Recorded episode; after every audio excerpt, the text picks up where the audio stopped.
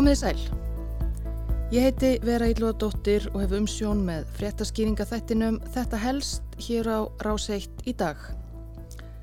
Aðtegli heimsbyðarinnar hefur verið á bresku konungsfjölskyldunni síðustu daga eftir dauða Elisabetar brettadrottningar í Balmoral kastala í Skotlandi.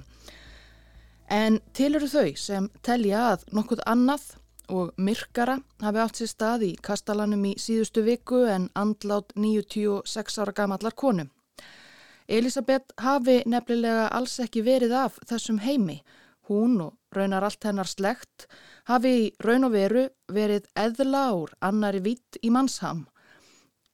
Fyrir þessu eru vitaskuld engar sannanir en kenningar um eðlufólkið hafa engu að síður loðað við bresku konungsfjölskylduna og önnur fræðarmenni árum saman og fólk trúir þessu í raun og veru. 29. apríl 1991 urðu breskir sjónvarsáhorvendur vittni að undarlegri uppákomu. Það var mánudagskvöld og dagskrá Ríkisjónvarfsins BBC var spjallþáttur hins vinsæla Terry Wogan sem hétt einfaldlega Wogan. Nokkur eftirvænting ríkti fyrir þættinum þegar spurðist út hver er þið gestur Vókans þetta kvöldið. Um hríð þauðu breskir fjölmiðlar nefnilega fjallað um skringilegar sögusagnir um annan breskan sjónvarsmann, íþróttafréttamann BBC og fyrrum atvinnumann í fótbolta David Icke. Icke þessi hafði fyrir nokkru byrjað að klæðast engöngu fjólubláum fötum og láta ímislegt skrítið út úr sér ofinberlega. Í mars 1991 hafði hann haldið bladamannafund þar sem hann lísti því yfir að hann væri svonur Guðs og spáði miklum hamförum á næsta leiti, stórflóðum og jarðskjáltum og fellibiljum áður en heimurinn myndi svo loks líða undir lok árið 1997. Þetta vakti vægast sagt aðtegli í bresku pressunni og nú var æg mættur til hins háðska kollega síns Terry Wogan klættur í fjólubláan krumpugalla. According to his book, The Truth Vibrations, the world as we know it is about to end. David Icke. Við tók samtal Vókans og Icks all surrealist. Vókan spurði viðmælendan sinn meðal annars beint út hvort honum væri alvara að telja sig vera sonur Guðs. You claim to be the son of God. Mm -hmm. Is that true? Yes, you see, the thing is that uh, see, it's quite it's quite funny, really. You know, two thousand years ago, had a guy called Jesus sat here and said these same things, you would still be laughing. It's really really funny that we've not really moved on that much. Áhorvendur í sjónvarsal hlóðu dátt þegar Æg svaraði að þau hefðu líklegast líka hleyið að Jésu hefði hann mætti í sjónvarsþátt með yfirlýsingar sínar fyrir 2000 árum. Síðan fór Æg yfir kenningar sínar um yfirvofandi heimsendi og hörmungar Það var mikið hleyið á meðan viðtalinu stóð. Ekki með æg eins og Vókan bendi honum á, heldur að honum.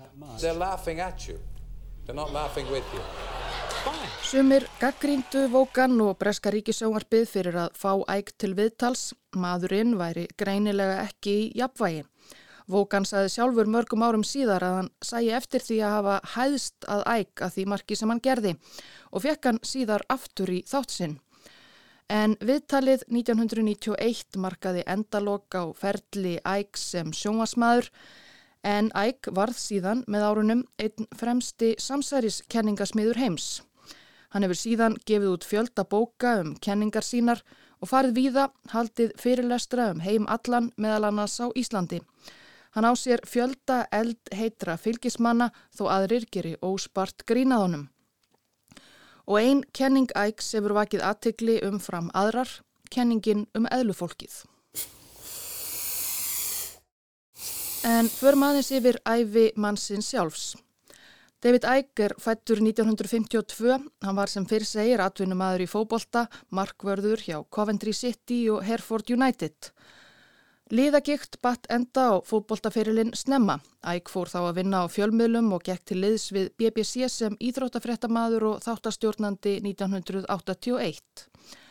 Leit Ægs að lækningu við liðagiktinni varð einnig til þess að hann fór að kynna sér óheðbundnar lækningaaðferðir og ímis nýjaldar fræði út frá því. Æk varð einnig umhugaðum umhverjusmál, hann gekk til liðs við stjórnmálaflokk Græningja 89 og náði þar skjótum framgangi sem einn helsti talsmaður flokksins. Það var um svipaleiti, samkvæmt frásögn Æks sjálfs, að hann byrjaði að finna fyrir einhvers konar nærveru í kringum sig þegar hann var einn með sjálfum sér.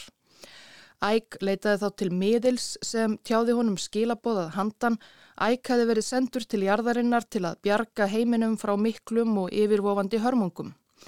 Þetta var það sem Æk sagði á bladamannafundinum í mars 91 og var fyrir vikið vikið úr græningjafloknum en hlaut bóð í þátt Terry Vogans. Spáæksum heimsenda árið 1997 gekk ekki eftir en hann hefur ekki látið það aftra sér frá því að setja fram fleiri kenningar og spádóma.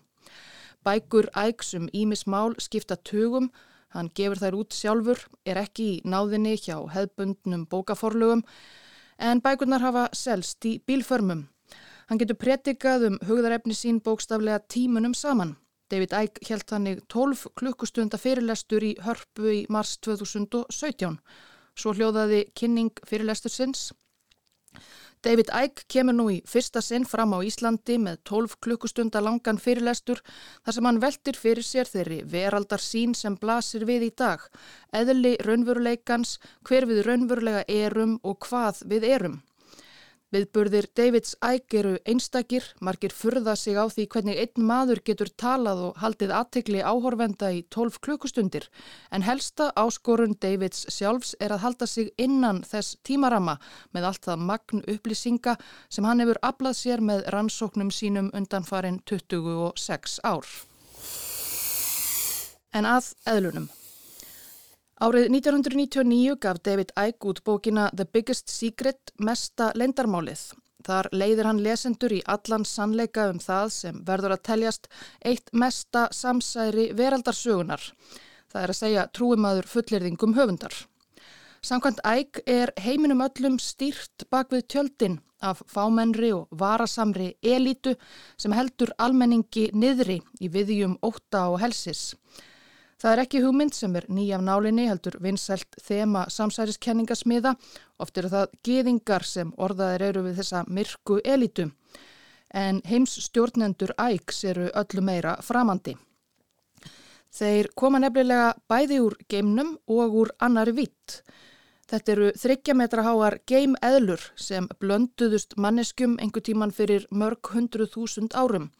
Þessir eðlublendingar geta skipt um ham og tekið á sig mannsmyndað vild og hefur þeim þannig tekist að sölsa undir sig samfélag okkar mannana.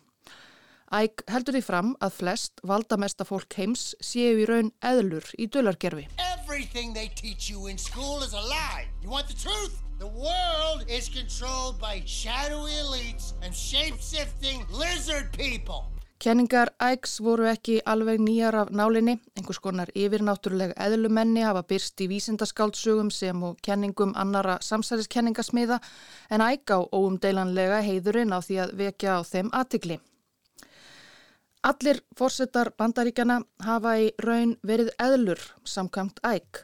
Flesti ráðamenn í Breitlandi einnig Æg saðist eitt sinn hafa séð augun í Ted Heath fyrverandi fósætisráð þeirra breyta verða kolsvört fyrir framann sig, skýrt dæmi um að Heath hafi í raun verið eðla. Rothschild, bankafjölskyldan, allt saman eðlur, Ímis fræðarmenni hafa verið eðlur í raun, Michael Jackson þar á meðal, Bob Hope var eðla, Henry Kissinger er að sjálfsögðu eðla og fjölskyldurnar Bush og Clinton. Og breska konungsfjölskyldan allt saman eðlur. Einn eðla tekur einfaldlega við af annari í Buckinghamhöll. Eðlutnar eru svo alls ekki bara bundnar við hinn enskumælandi heim. Þegar David Icke kom hinga til lands 2017 spurði Frosti Logason útvarsmaður Icke í þættinum Harmageddon hvort líkur væri á að til dæmis David Oddsson væri eðlumadur. In theory, a man who would, who was like for 10 years the mayor of Reykjavik and then uh, for 14 years the prime minister of Iceland and then for a few years uh, chairman of the central bank and now an editor of the biggest newspaper he would definitely fit the profile for a reptilian satanist Well, um, um, Freemasonry cult leader, right? I, I, I, I would take I would take another um, angle on that. I would say with 320,000 people in this country, for, for one person to have so much power in so many areas, That's Davíð Watson. do- isn't it? Is it not? Uh, is there not um, room for other people to do those things? And does one person have to do them all? Og Æk taldi það ekki ólíklegt með að við þau miklu völd sem Davíð hefur haft í íslensku samfélagi hlýtur hann að vera eðla. Hræðilegar sögur ganga svo af því hvað eðlu fólkið tekur upp á þegar það er ekki upptekið við að stjórna heiminum og kúa mannfólkið.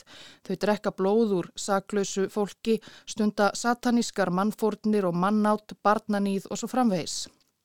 Gaggrínendur Æks, fjölmarkir, segja kenningar hans í raun ekki óáþekka gömlum kenningum um heimsamsæri gýðingana gegn mannkinni og yfirlýsingar hans um eðlufólkið því letaðar af gýðingaandúð.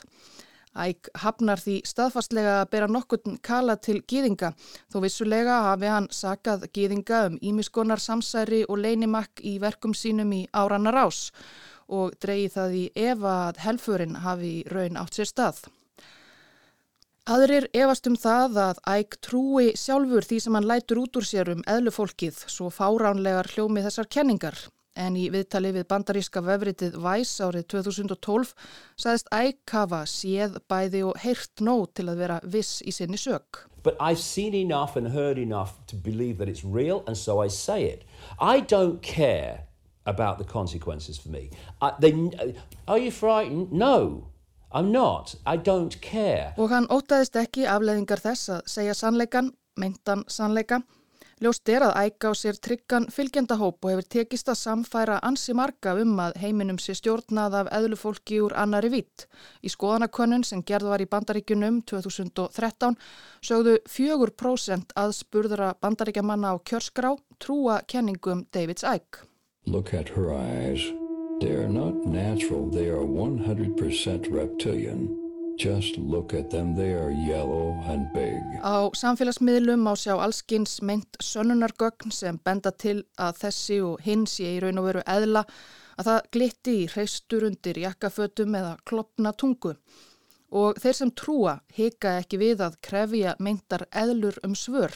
Til dæmis var Mark Zuckerberg stopnandi Facebook spurður út í það á streymisfundi með notendum síðunar 2016 hvort hann væri eðla. Hann neytaði því. Mark, are the allegations true that you are secretly a lizard? Um, I'm gonna I'm gonna have to go with no on that. Uh, I, I am I am not a lizard. En það er einmitt það sem að eðla myndi segja, hugsuðu kannski einhverjir.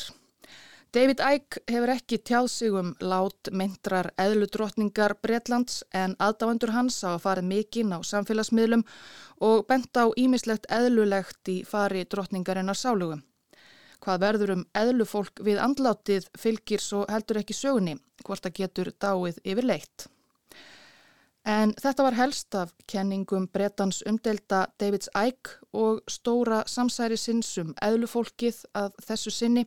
Ég þakka þeim sem hlýtu og þetta helst verður hér aftur að loknum hátegisfréttum á ráseitt á morgun.